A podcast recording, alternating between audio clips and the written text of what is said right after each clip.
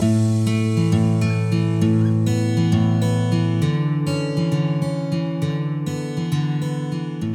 welkom. Iets later dan gepland, maar leuk dat je luistert naar een nieuwe aflevering van de rubriek Inzicht van de Week.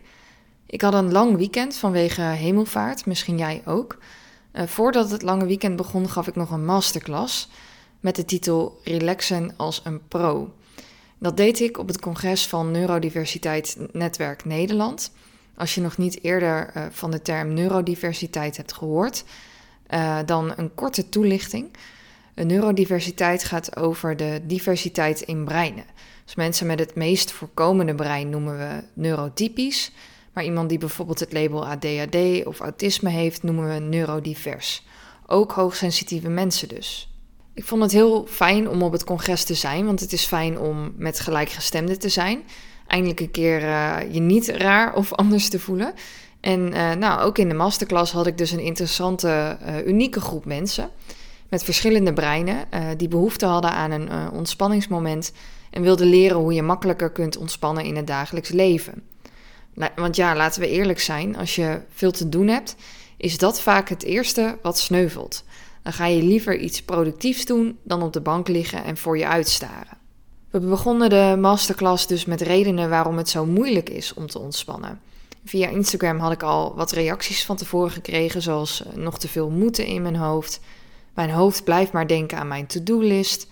Uh, in de masterclass zelf vulde iemand aan en zei: Maar als ik nu niet reageer, dan heb ik straks nog meer te doen. Dan stapelt het werk zich op. En dat vond ik een interessante, want ik vroeg me af, wanneer houdt het dan wel op? Ik zag een soort bokser vormen die op elke beweging reageert, waardoor alles als een soort boemerang weer terugkomt. Zo begint uh, het riedeltje telkens opnieuw. Misschien ken je ook wel het filmpje The Fly, waarin iemand mediteert, er een vlieg op zijn gezicht landt, hij er tegen vecht, maar daardoor nog meer vliegen creëert. Uh, terwijl als hij geduldig stil blijft zitten, niet reageert, met gemak uren kan blijven zitten en veel meer rust ervaart. Bovendien komen er dan ook geen extra vliegen. Uh, de uitspraak: ik moet nu reageren, anders uh, komt er nog meer werk, is eigenlijk een typisch voorbeeld van de ratrace waar veel mensen onderdeel van uitmaken. Elke dag is het ploeteren en er lijkt geen einde aan te komen.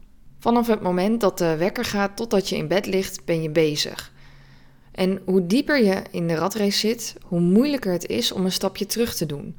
Hoe moeilijker het is om de signalen die je lijf afgeeft, zoals ho, stop, nu is het genoeg, aan te voelen.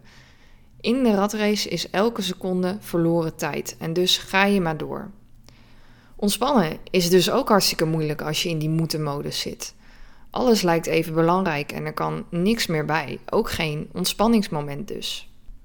Het is niet fijn relaxen als je het ergens tussendoor moet proppen en nog steeds op de klok moet kijken. In welke modus zit je dus nu? Moet er van alles? Laat dat dan juist het signaal zijn dat je beter een stapje terug kunt doen. En mocht je hier nu mee willen oefenen en denken: hier kan ik wel wat hulp bij gebruiken, weet dan dat ik binnenkort nog zo'n masterclass organiseer, maar dan online. Dus waar je ook zit, je kunt uh, altijd meedoen zolang je internetverbinding hebt. Heb je interesse, dan kun je je op de wachtlijst zetten via de link in de show notes, dus door uh, deze aflevering te openen. En dan ontvang je vanzelf bericht zodra alle details bekend zijn. Nou, dit was het uh, inzicht van de week. Ik hoop dat je hier iets aan hebt gehad.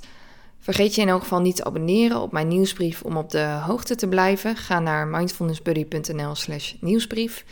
Uh, verder kun je me vinden op Instagram onder de naam mindfulnessbuddy of stuur een mail naar lisa.mindfulnessbuddy.nl. Tot de volgende aflevering.